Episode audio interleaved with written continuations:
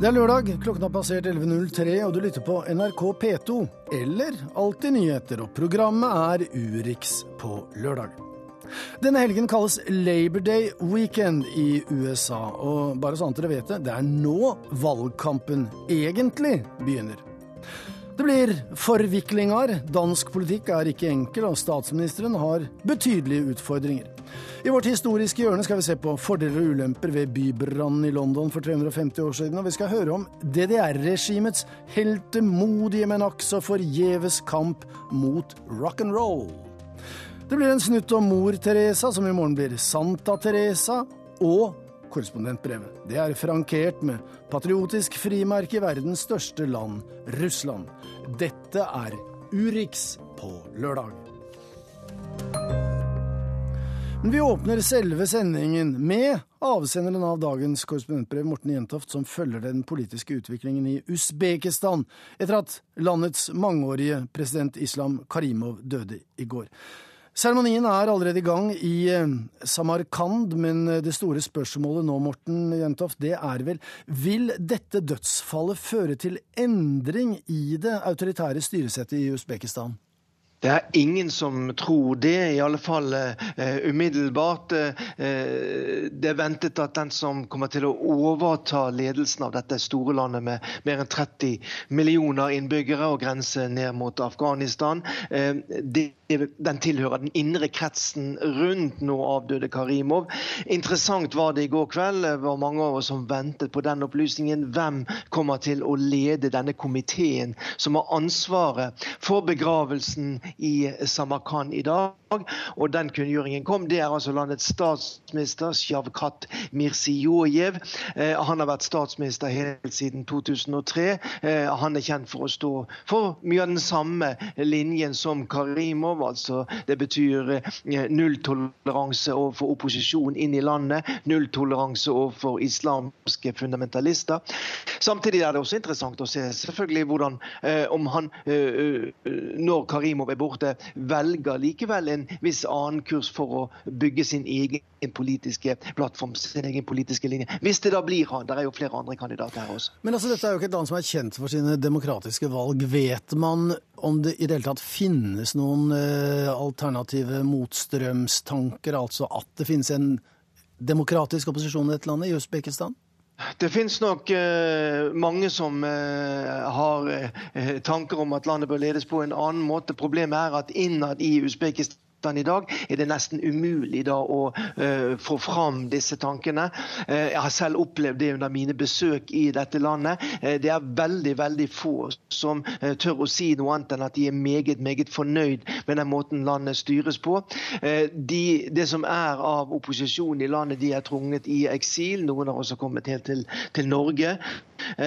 Så får vi se da om dette fører til noen endringer. Få tror at det kommer til å skje umiddelbart fordi at eh, Karimov sin ideologi om at hvis vi letter på eh, lokket her, da, så, så kan eh, på en måte hele landet eksplodere. Vi vet jo at det er en ung befolkning i Usbekistan. Mange er uten arbeid. Vi vet også at islamsk mer fundamentalistisk tenking har en viss oppslutning, men at eh, disse nå opererer da eh, mer eller mindre i det skjulte. Da sier vi takk til deg i Moskva, Morten Jentoft. Og det blir jo mer om denne begravelsen og denne utviklingen i Usbekistan i senere sendinger. Men vi skal til Kina, til Hangzhou, der vår korrespondent Peter Svaar befinner seg sammen med de 20 andre får jeg si, mektigste stats- og regjeringssjefen i verden.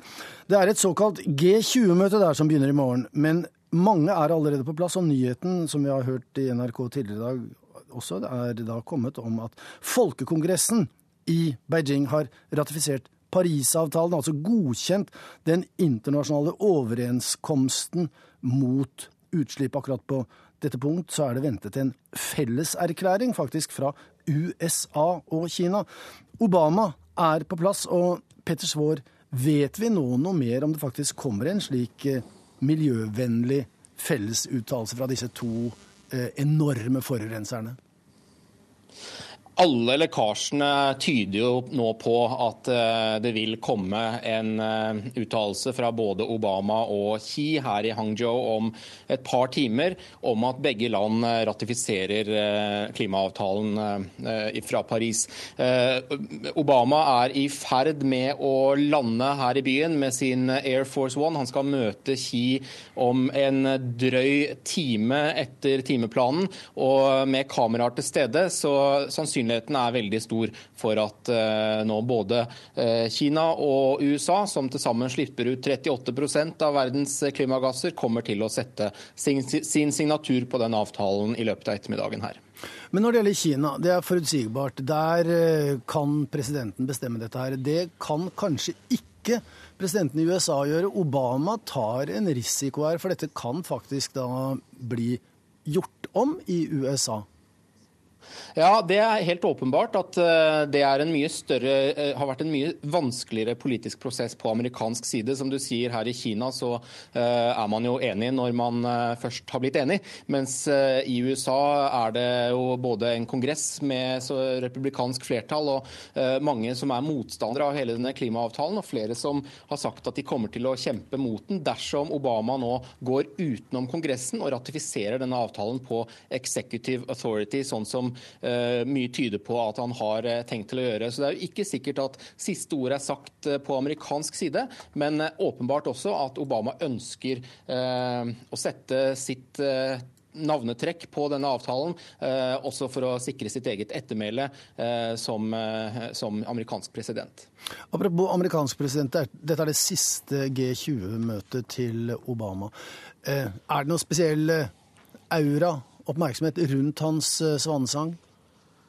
Alle som kommer hit eh, til Hangzhou vet jo at dette er eh, Obamas eh, trolig siste store toppmøte. Det er også hans siste reise som president til Asia, hvor han altså har vært hele elleve ganger de siste åtte årene. Obama uttalte jo allerede eh, rett etter at han eh, tiltrådte at han var the Pacific president.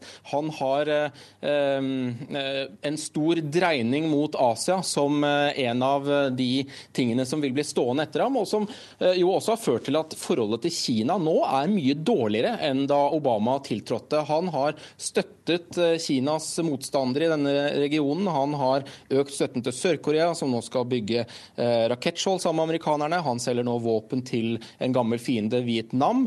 Eh, han eh, har støttet, eller i hvert fall ikke protestert, mot Abe i Japan og hans ønske om å nytolke Grunnloven og få et forsvar igjen. Så Eh, så eh, situasjonen her i Asia er jo mer spent enn den var tidligere, samtidig som, som eh, selve kronjuvelen i Obamas strategi jo var Trans-Pacific Partnership, verdens største handelsavtale med alle, de, alle stillehavslandene som skulle være med. Den avtalen er det jo nå helt i det blå om blir noe av, hvor Trump har sagt at det ikke er snakk om at han vil gjennomføre TPP, og Clinton også har uttalt seg kritisk, selv om det jo er litt større spenning til om hun vil snu på tampen. Da sier vi takk til deg, Peter Svaar i Hangzhou. Og dette er garantert ikke den siste rapporten vi får høre fra deg og dette G20-toppmøtet. Vi skal til eh, Storbritannia, der eh, man fremdeles er opptatt av sommerens store overraskelse, altså brexit. Eh, denne utmarsjen fra EU kom faktisk også såpass overraskende på britene selv at eh, på mandag så skal parlamentet diskutere brexit, bl.a. mulighetene for ny folkeavstemning skal luftes, og ikke minst fremdriftsplanen. Dette setter både sinn og følelser i kok blant britene og London-konsument Espen Aas. Eh, hvem er det som demonstrerer for hva i Storbritannia i dag? Her er det en rekke EU-tilhengere, privatpersoner, som eh, fortsatt ikke vil helt være med på den avgjørelsen som eh, ble tatt eh, ved stemmeurnene den 23. Så nå om en uh, drøye tre kvarters tid så samles de uh, ved Hyde Park her i London og skal gå gjennom byen og stanse opp nede ved Westminster og rett og, rett og slett uh, protestere mot den avgjørelsen som er tatt, og si at Storbritannia burde fortsatt være medlem av Europa. At det som nå skjer, bare avler frem fremmedfrykt og gale avgjørelser. Folk er bedt om å kle seg i blått, slik som EU-flagget da, og vise sin misnøye med det som nå etter hvert skal skje, nemlig Storbritannias utmeldelse av EU.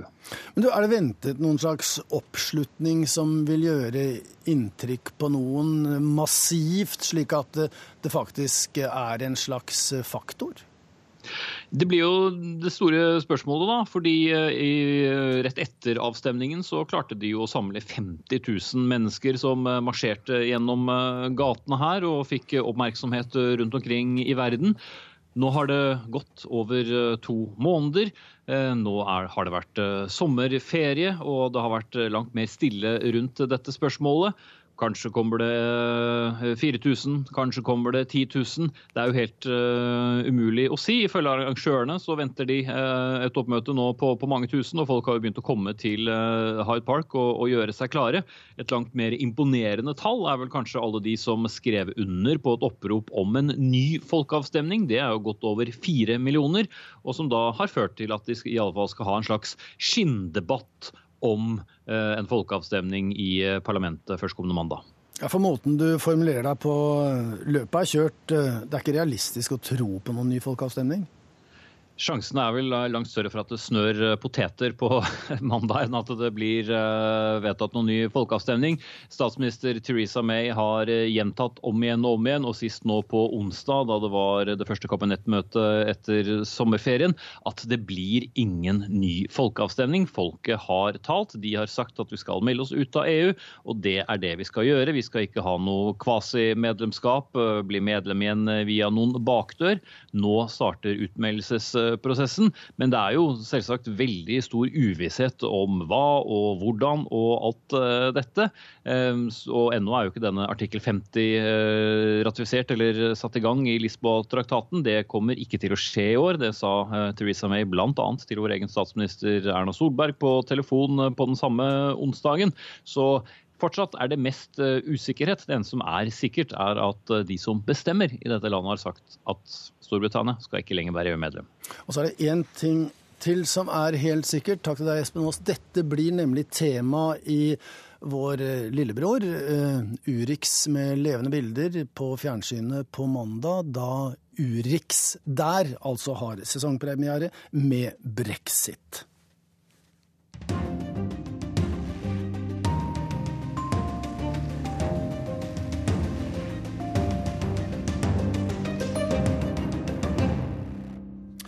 Det er et yndig land, og Danmarks statsminister Lars Løkke Rasmussen presenterte denne uken en eh, storstilt plan som da skal eh, forandre Danmark og gjøre landet bedre rustet til å møte økonomiske utfordringer de neste ti årene, slik at det kan bestå som yndig. Men planen har allerede skapt et politisk rabalder. Striden står om skattelettelser for de aller rikeste, og kan ende med et nyvalg innen året er omme.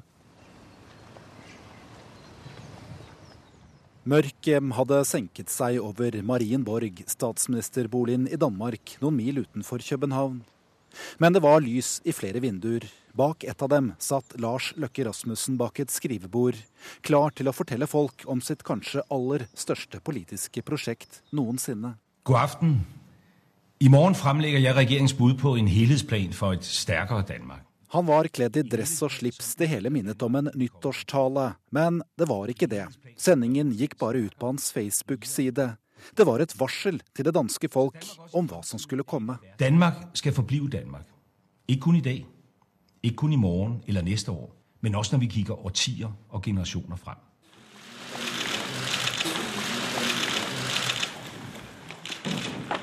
Og dagen kom med et politisk sirkus det er lenge siden Danmark har sett maken til.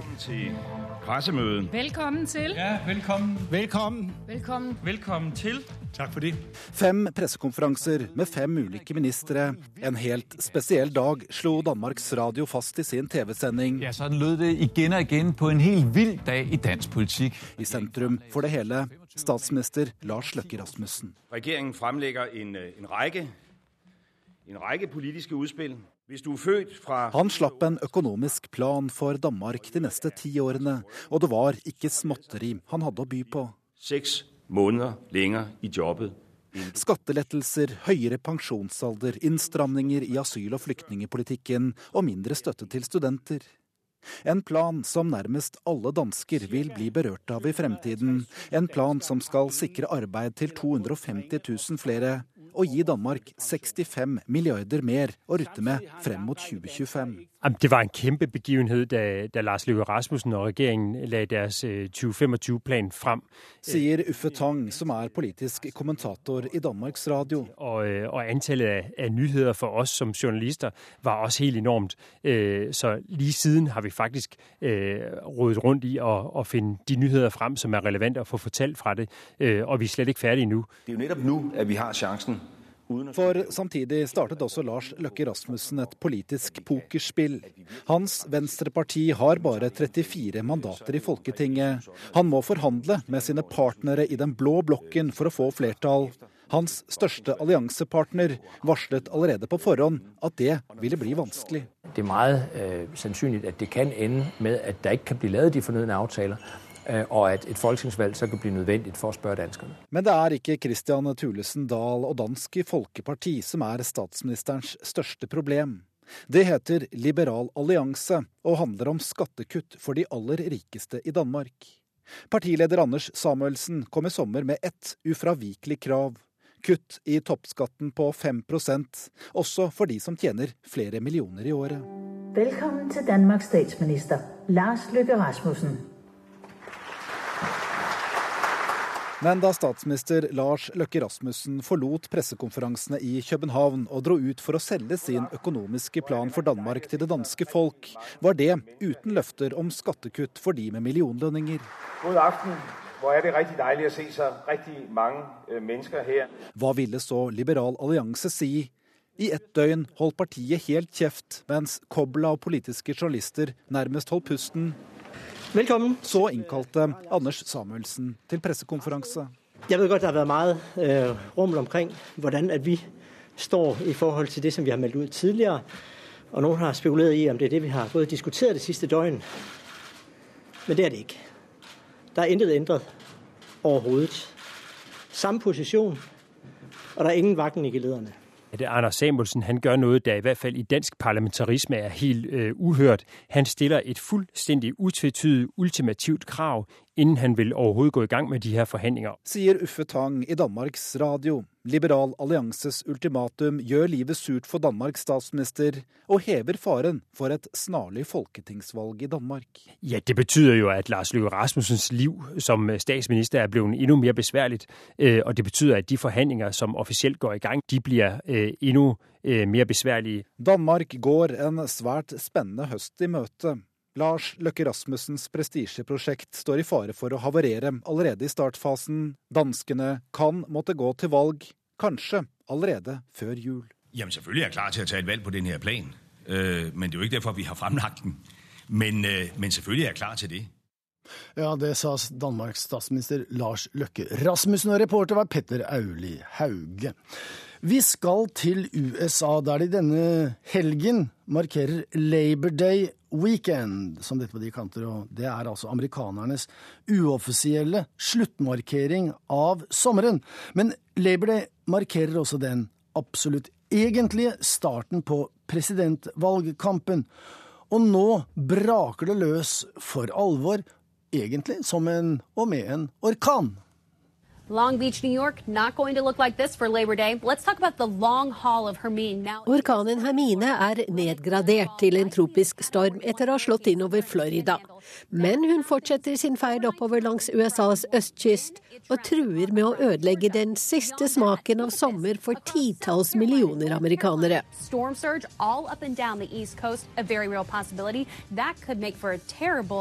day at the beach. For Labor Day skal helst nytes på stranda og ved grillen.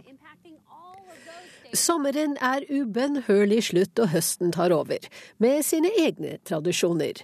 Nytt skoleår, ny sesong i amerikansk fotball og nye programmer på TV. Appears this party's just getting started. It's a brand new Thursday. Superstore, The Good Place, Chicago Med, and The Blacklist moving to 109 Central. Thursdays this fall on it. Og tro det eller ei, den egentlige starten på presidentvalgkampen, som du kanskje syns har vart i en evighet allerede. Men det er faktisk først nå, trygt plassert tilbake i sofakroken, at folk flest begynner å følge ordentlig med på valgkampen. Labor Day regnes som et vannskille. Nå braker det løst for alvor. Oh. Oh.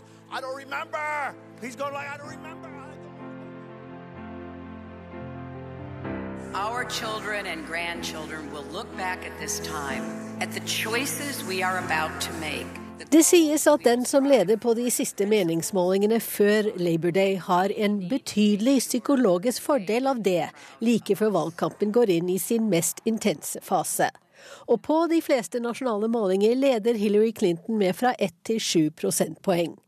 Men meningsmålingsinstituttet Rasmussen, eller Rasmussen som vi ville ha sagt, ga Donald Trump en ledelse på ett prosentpoeng på torsdag.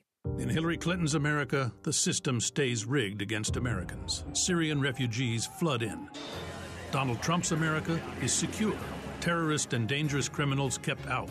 The border secure. Our families safe. Republikanernes presidentkandidat har vunnet kampen om medieoppmerksomheten de siste dagene med sitt overraskelsesbesøk til Mexico og talen i Arizona like etterpå om sin tøffe linje mot ulovlige innvandrere. Og om han gjorde det første for å kapre velgere med latinamerikansk bakgrunn, så skjøv han nok dem fra seg igjen med det siste. I dag henvender han seg til en ny minoritetsgruppe som viser svært liten begeistring for ham. Trump skal tale til en svart menighet i Detroit og geleides rundt av sin tidligere republikanske rival, afrikansk-amerikanske Ben Carson. I bilbyen Detroit er de nok like glade i å grille og markere sommerens slutt som ellers i USA på Labor Day. Men der går de også i tog på arbeidets dag. Det er alltid en viktig demokratisk politiker som taler til de tusenvis av fagorganiserte som møter opp. Både president Barack Obama og visepresident Joe Biden har holdt taler der de siste årene. I år er det tidligere president Bill Clinton som kommer. Labor Day-paraden i Detroit er uhyre viktig for en demokratisk presidentkandidat. Ikke bare for å oppildne potensielle velgere, men også for å rekruttere frivillige valgkampmedarbeidere til de siste hektiske ukene. Nå har Hillary Clinton valgt å dra til Cleveland i den viktige vippestaten Ohio på Labor Day, men Bill anses ikke som noen dårlig erstatning i Detroit. Det som derimot vekker større oppsikt, er Donald Trumps tilstedeværelse i industribyen Detroit denne Labor Day-helgen. Det er et signal om at han vil kjempe om stemmene som demokratene tradisjonelt har fått. Besøket kommer til å styrke hans stilling blant hvite arbeidere, og den er jo sterk fra før av, sier journalistikkprofessor Tom Stanton i Detroit til US News and World Report. Cooperation toward achieving this shared objective, and it will be shared. Donald Trump viste seg fra sin mest presidentaktige side da han sto ved siden av Mexicos president Enrique Peña Nieto sist onsdag. Han var mer slik vi er vant til å høre ham noen timer senere i Arizona. Zero tolerance for criminal aliens. Zero. My first hour in office, those people are gone. Det mange lurer på nå, er hvilken Trump vi kommer til å se når han møter Hillary Clinton i den første av tre presidentdebatter 26.9.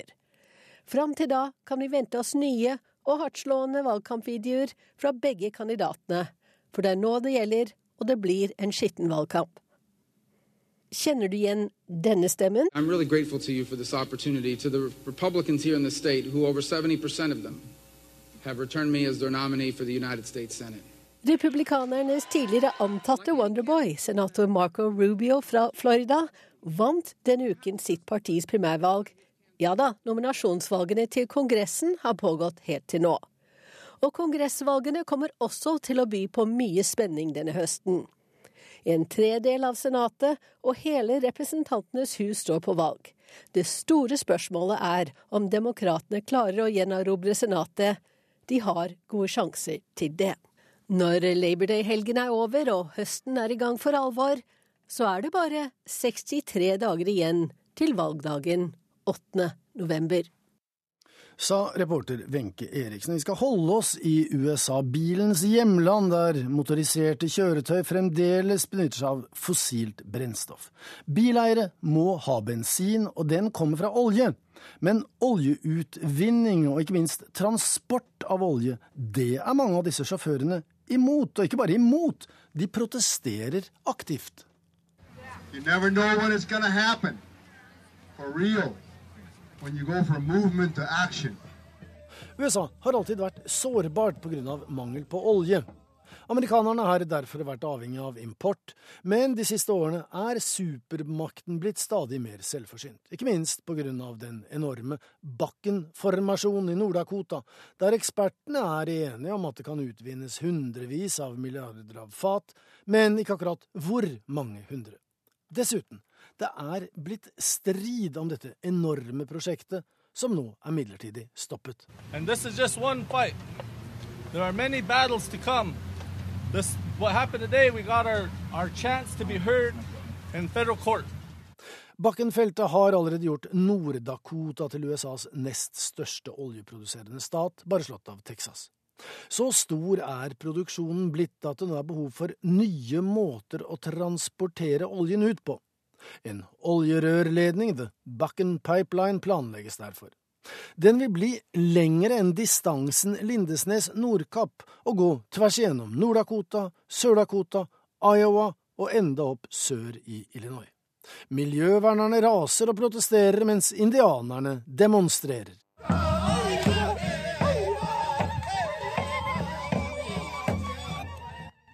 Sommeren for tre år siden sporet et tog av i Quebec-provinsen i Canada. Toget fraktet olje nettopp fra Bakken-formasjonen i Nord-Dakota. I brannen som oppsto i Quebec-provinsen, mistet 42 mennesker livet, og 30 hus i byen Lac Megantic brant ned. Og det ble behov for å finne en sikrere måte å frakte olje på enn med tog. Den 1800 km lange oljerørledningen med en diameter på 75 cm gravd ned ca. en drøy meter under bakken, skal etter myndighetenes og oljefagfolks syn være sikrere enn tog. Men det tror verken indianerne eller miljøvernerne noe på. We do not deserve to drink oil. We deserve to have Mother Earth taken care of rather than damaged and destroyed. Det har vært en uendelighet av folkemøter og informasjonskampanjer om rørledningen, som vil koste mer enn 30 milliarder kroner å bygge. Parallelt har det vært strid om lovfortolkninger og eiendomsrett. Bøndene, og dem er det mange av i disse traktene, er engstelige for jorda si om det skulle bli lekkasjer. Andre frykter at grunnvannet skal bli forurenset, mens indianerne peker på at oljerørledningen skal gå gjennom områder som myndighetene har anerkjent som hellige for urfolket. Problemet for oljebefrakterne er at oljen er viktig for andre, men ikke for dem som må ha rørledningen over jordene sine eller gjennom åkrene sine. The Standing Sioux Rock Tribe is out here contesting and protesting against the construction of an oil pipeline that will run directly through the reservation. Like ved Standing Rock-reservatet har Dakotas Sioux-indianere protestert i ukevis. 30 av dem er blitt arrestert, men de ansvarlige melder om et enormt engasjement og en helt ukjent form for motivasjon. Um, we haven't seen a, a large mobilization and unity of this scale for over 140 years. Og helt til slutt en kommentar til dette navnet. Bakken Bakken Pipeline og Bakkenfeltet, det er 100 norsk, oppkalt etter Henry O. Bakken, som eide gården i Nord-Dakota der den første oljen ble funnet i 1951. Og Henry var sønn til Otto Bakken, som utvandret fra Tørrberget i Trysil på midten av 1880-tallet. Nå, London. Denne helgen er det 350 år siden eh, den katastrofale brannen i storbyen forvandlet hjemmene til 70 000 mennesker til forkullede rester. Like fullt så skal den voldsomste brannen i Storbritannias historie feires. London's burning, London's burning, fetch the engine, fetch the engine. Når du tror du har nådd bunnen, finner du plutselig ut at du kan falle enda litt dypere. Slik må det ha føltes ut for innbyggerne i City of London, middelalderbyen bak de romerske murene, natt til 2. september 1666. Selv om den opprivende borgerkrigen var avsluttet 15 år tidligere, var England for annen gang i krig, nå mot Nederland. Pesten hadde herjet det siste året og tatt livet av en firedel av byens befolkning. Og så, rett over midnatt, begynte det å brenne hos bakeren Thomas Ferriner i Pudding Lane rett ved London Bridge. Starten på en fire dager lang utslettende brann. 500 000 mennesker bodde i London den gangen. 80 000 av dem i City of London 70 000 av dem mistet hjemmene sine. Fire, fire. Nå var branner på ingen måte uvanlig, og denne ble først heller ikke tatt alvorlig nok. Det var ikke noe skikkelig brannvesen. Ironien vil ha det til at i år som det markeres 350 år siden bybrannen, feirer Londons brannvesen 150 år. De kom 200 år for sent.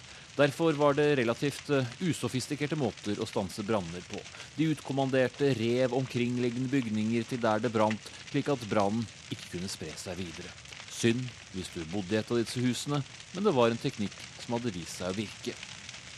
Men det var selvsagt ikke bare å rive, og en sint borgermester troppet opp der brannmannskapene holdt på, og sa at det ikke var gitt noen tillatelse fra gårdeierne om nedriving. De måtte stanse.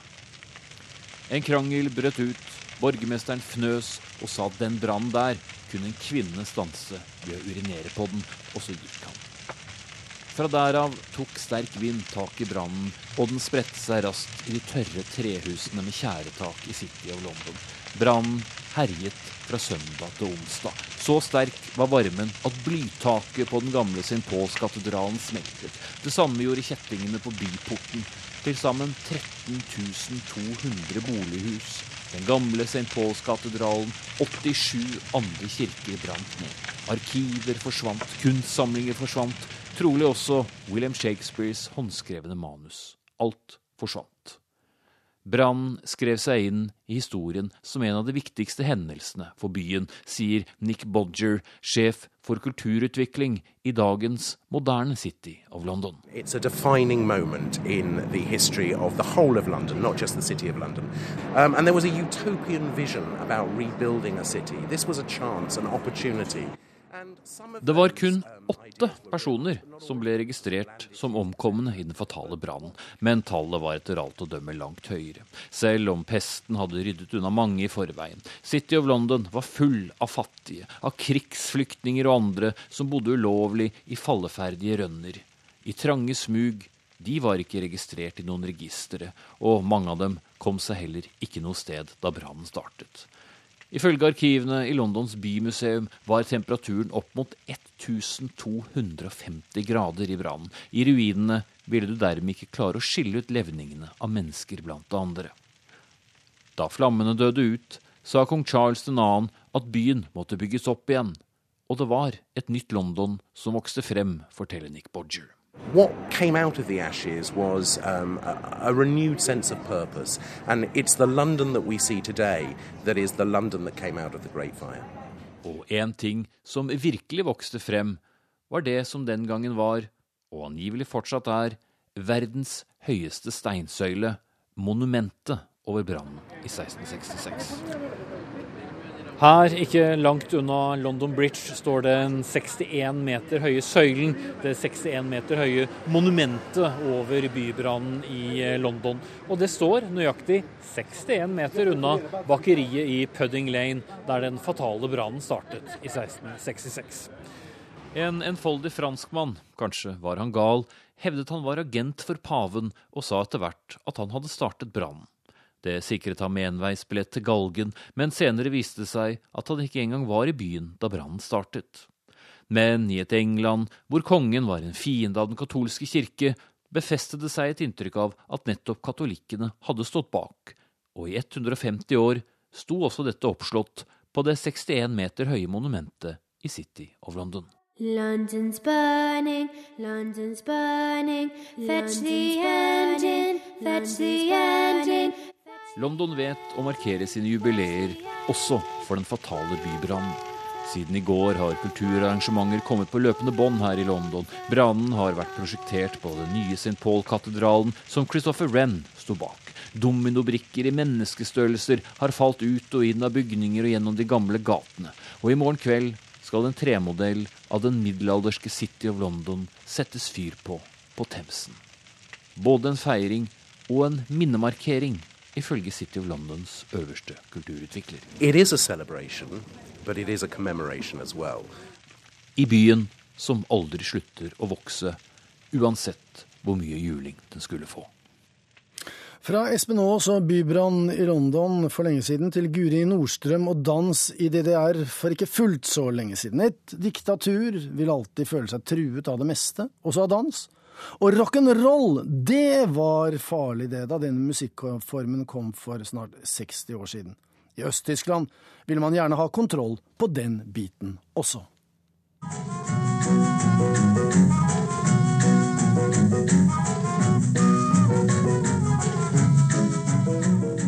Paret som glir over gulvet i seks fjerdedels takt denne lørdagskvelden i Øst-Berlin i 1959, danser ikke bare en dans. De holder seg også strengt innenfor lov og rett.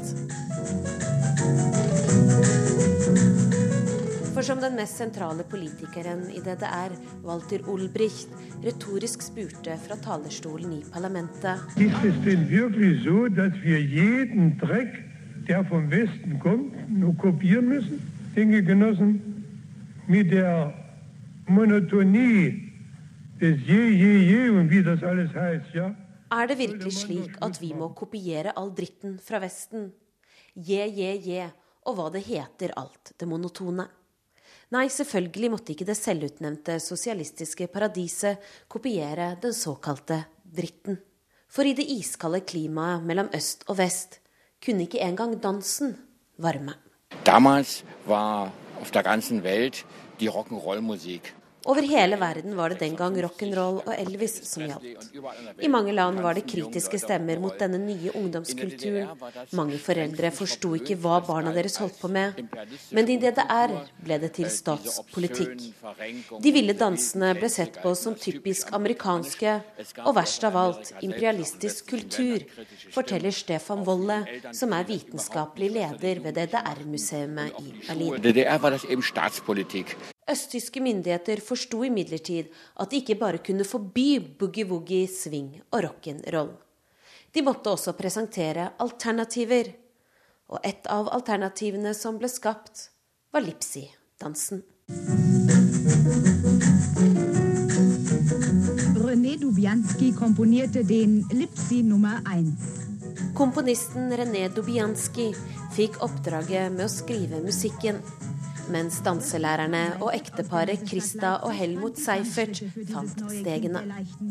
Og siden alle de tre kunstnerne kom fra Leipzig, byen som i dagligtalen kalles Lipsi, trengte man ikke å tenke seg om to ganger da navnet på dansen skulle velges.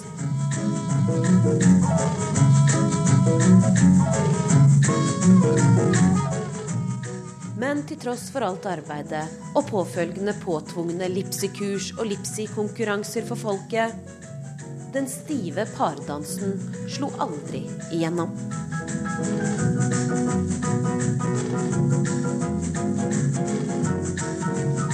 Das war der Todeskurs für den Lipsi, dass er von der SED-Kulturpolitik so prononciert gefördert wurde. Dødsstøtet for Lipsi var at den var så tydelig annonsert som en del av det sosialistiske partiets kulturpolitikk.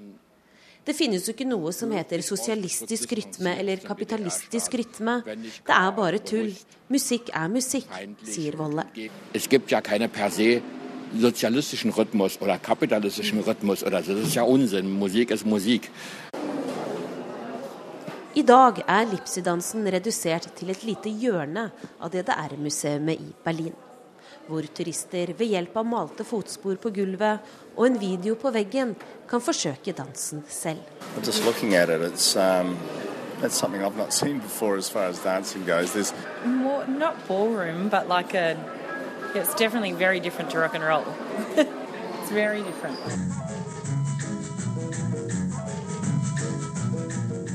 Lipsi-dansen Den ble skapt for å være en beskyttelse mot Vesten, men endte opp med å aldri bli brukt på festen.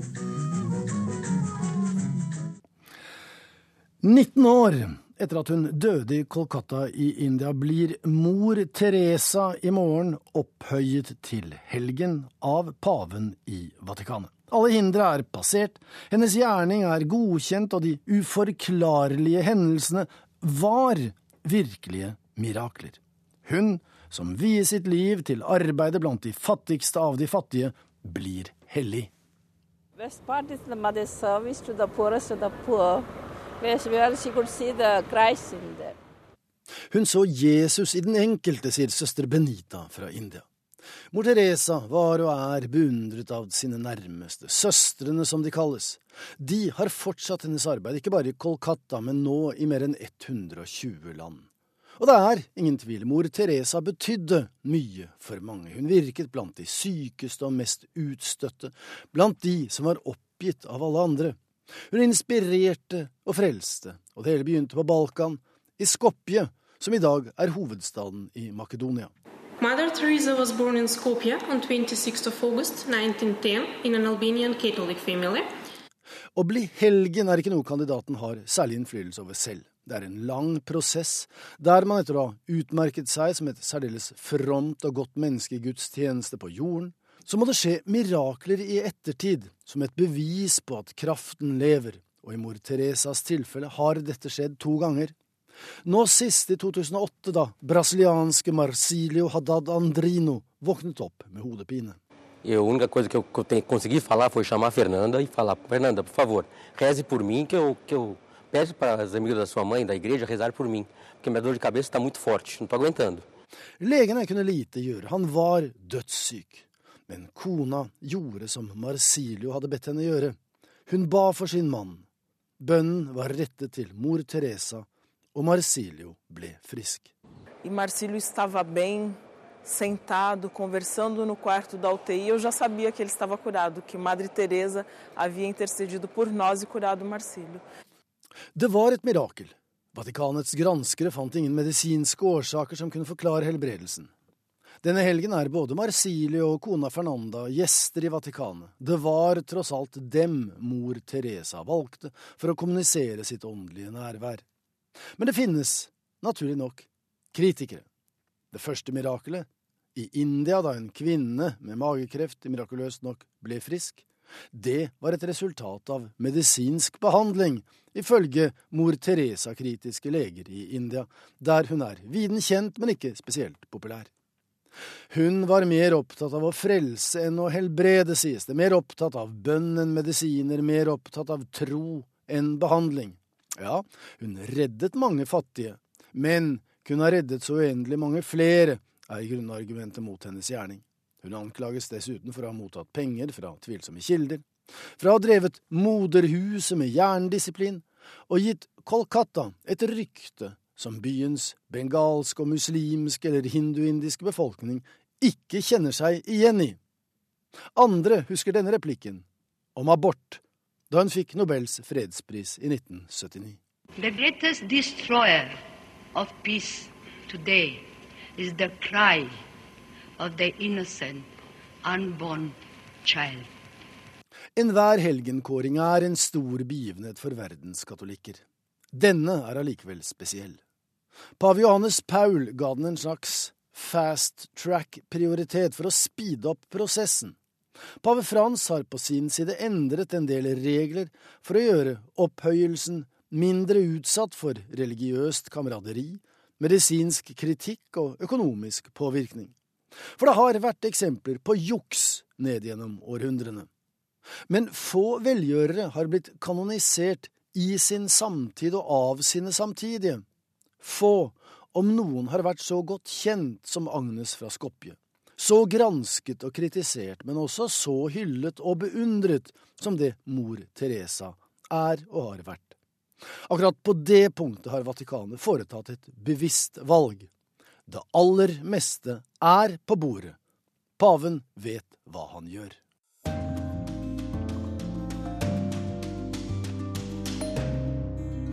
Klokka går. Det er på tide med korrespondentbrev. Det er poststemplet Moskva, og avsender er Morten Jentoft. Det var ingen umiddelbare forandringer å se da jeg steg av toget etter en natts reise fra Moskva. Den store, gule hovedbygningen på jernbanestasjonen i Petrosavodsk med det karakteristiske, spisse tårnet var som før. Den ligger i den øvre enden av Gagarinplassen, som igjen går over i Leningaten, som leder nedover til hotell Severnaja, der NRKs lille team skulle bo. Slik som jeg alltid hadde bodd i den perioden da jeg var en hyppig gjest i denne byen ved den store Onegasjøen i russisk Karelen. I snart 25 år har jeg hatt et spesielt forhold til russisk Karelen. Det begynte med en eventyrlig tur som jeg gjorde sammen med kollega Bjørn Vestli fra Dagens Næringsliv senhøstes 1991. Det var en spesiell tid, da mer enn 70 år med sovjetstyre var i ferd med å smuldre opp innenfra, og ingen visste hvem som styrte dette veldige landet. Vi kjørte inn fra Finland gjennom den forfalne tidligere finske byen Viborg. Videre østover over det karelske neset, der min finske fotograf Eero kunne vise meg hvor hans far en gang bodde, og hvorfra han i hu og hast i 1944 måtte evakuere vestover etter at Finland hadde gått med på å overlate store deler av sin del av Karelen til Sovjetunionen. Jeg husker også godt en fuktig kveld på en restaurant i Sortavalla ved Ladogasjøen, der en full russisk offiser satt og gråt fordi hele hans verden nå holdt på å ramle sammen. Fullt så ille gikk det riktignok ikke, men da jeg i 1993 reiste tilbake til Karelen, møtte jeg et samfunn som levde fra hånd til munn. Jeg var den gangen i gang med å finne fram til norskættede fra den tidligere norske kolonien på Fiskeraløyen på den russiske Kolakysten, og hadde via kontakter i Murmansk bl.a. fått tak i adressen til Nelly Berger i Loimola, på veien fra Sortavala til Petrosavodsk lengre øst i Karelen. Veien fram til Loimola var knapt kjørbar, og den lille stasjonsbyen så så ut som om den holdt på å trekke sitt siste sukk. Det var det heller ikke så mye om å gjøre at 81 år gamle Nelly Berga gjorde. Men jeg klarte likevel å få gjort et intervju med den sterkt svekkede trebarnsmoren, som hadde overlevd forvisning, sult og en mann som forlot henne, før hun hadde slått seg ned her i Karel, i et område som finnene hadde måttet forlate i 1944. Her hadde hun levd helt isolert fra sin store slekt i Norge, og uten å kunne snakke sitt morsmål, før en norsk journalist plutselig banket på døren en kald høstkveld. Det ble et sterkt møte med Nelly og hennes tre døtre. Bare tre uker seinere var hun død. Samme kveld som jeg hadde vært hos Nelly Berger, dro jeg videre til Petrosavorsk da jeg til min store overraskelse ble møtt av en liten delegasjon som presenterte seg som det norske samfunnet i byen. Den gangen snakket jeg nesten ikke russisk, og hadde via finsk radio fått kontakt med den finske redaksjonen i russisk radio i Petrosavodsk. Dette hadde også Viktor Kramski, som jobbet i den russiskspråklige redaksjonen, fått nyss av, og derfor visste han at jeg skulle komme til byen denne kvelden. Viktor var sentral i dette norske samfunnet, som bl.a. hadde en idé om å sykle via Finland og Sverige til Mo i Rana i Norge, som allerede da var blitt vennskapsby til Petrosavotsk. Møtet med Viktor var starten på et fruktbart samarbeid og vennskap som har vart helt fram til i dag, og som gjorde at vi i fellesskap kunne grave fram de mest fantastiske historier om kjærlighet, krig og skuffelse i dette grenselandet gjennom vår nære historie. Det handlet om colanordmenn som Leonard Hansen, Nelly og Marie Berger og Ragnhild Sandtrøen. Og slektningene til Grigori Pavlov, den sovjetiske etterretningsagenten som utløste en av norgeshistoriens største spionsaker i 1953, da han dro over Pasvikelven og ba om asyl i Norge. Hotell Severnaya er et kapittel for seg selv. Den store, røde murbygningen ligger som en V i gatekrysset mellom Leningaten og Engelsgaten. Hotellet var ferdig i 1939, samme år som Sovjetunionen gikk til angrep på Finland i det som vi i dag kjenner som vinterkrigen. I 1941 var det finnenes tur til å angripe, formelt for å ta tilbake områdene de tapte under vinterkrigen. Men appetitten vokste ettersom man klarte å presse Den røde armé tilbake østover. Og i oktober gikk de inn i Petrosavodsk, en by som alltid har vært en del av russisk Karelen. Et bilde oppe i annen etasje på Hotell Severnaja viser at hotellet fikk store skader under kampene den gangen. En annen av kola nordmennene, som jeg snakket mye med på 1990-tallet, Bjarne Jørstad, fortalte meg at det var voldsomme kamper i og rundt byen, da han sammen med de siste sovjetiske styrkene ble evakuert med båt over til østsiden av Onega-sjøen. For mange finske nasjonalister var Øst-Karel et slags hellig sted, der gamle finske tradisjoner og myter hadde levd videre, nesten uberørt av framveksten av det moderne Europa. De sørget derfor å få Petrosavodsk omdøpt til Ernislinna, som var en oversettelse av et gammelt svensk navn, Onegaborg.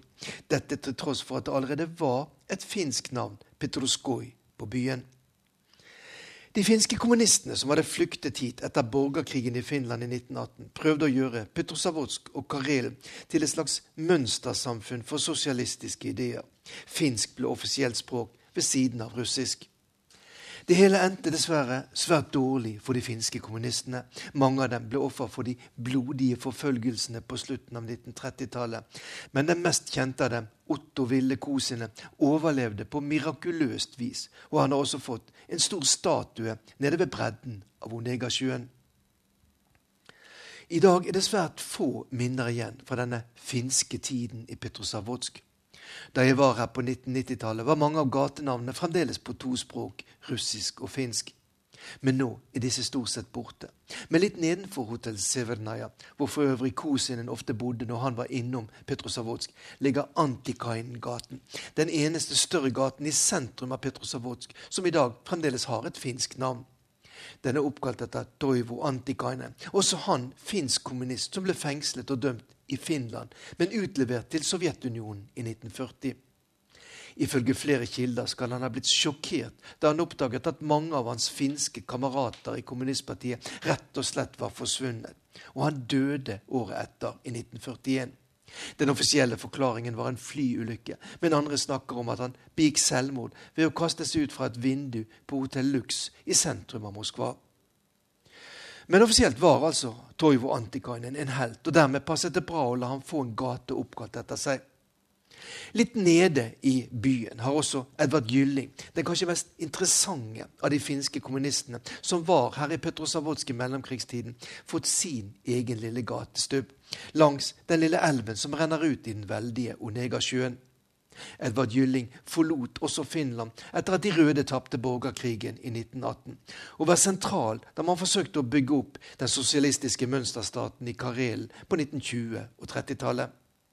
Men også han ble et offer for sovjetlederen Josef Stalins forfølgelsesvanvidd og endte sine dager etter et nakkeskudd utenfor Moskva 14.6.1938. Gylling og de finske kommunistenes mønstersamfunn fikk altså en blodig slutt. Og når jeg går rundt i Petrosavodsk, kan jeg ikke unngå å tenke på at en av dem som også opplevde dette på nært hold, var Oslo-gutten Erik Tandberg. Også han hadde kommet til Sovjetunionen og Karelen som ung skogtekniker for å bygge sosialismen, men ble fengslet i 1937 og anklaget bl.a. for sabotasje på noen traktorer. I motsetning til Gylling unngikk han nakkeskuddet og ble sendt til ti år i Gulag, det gigantiske sovjetiske fangeleirsystemet som i perioder huset millioner av fanger.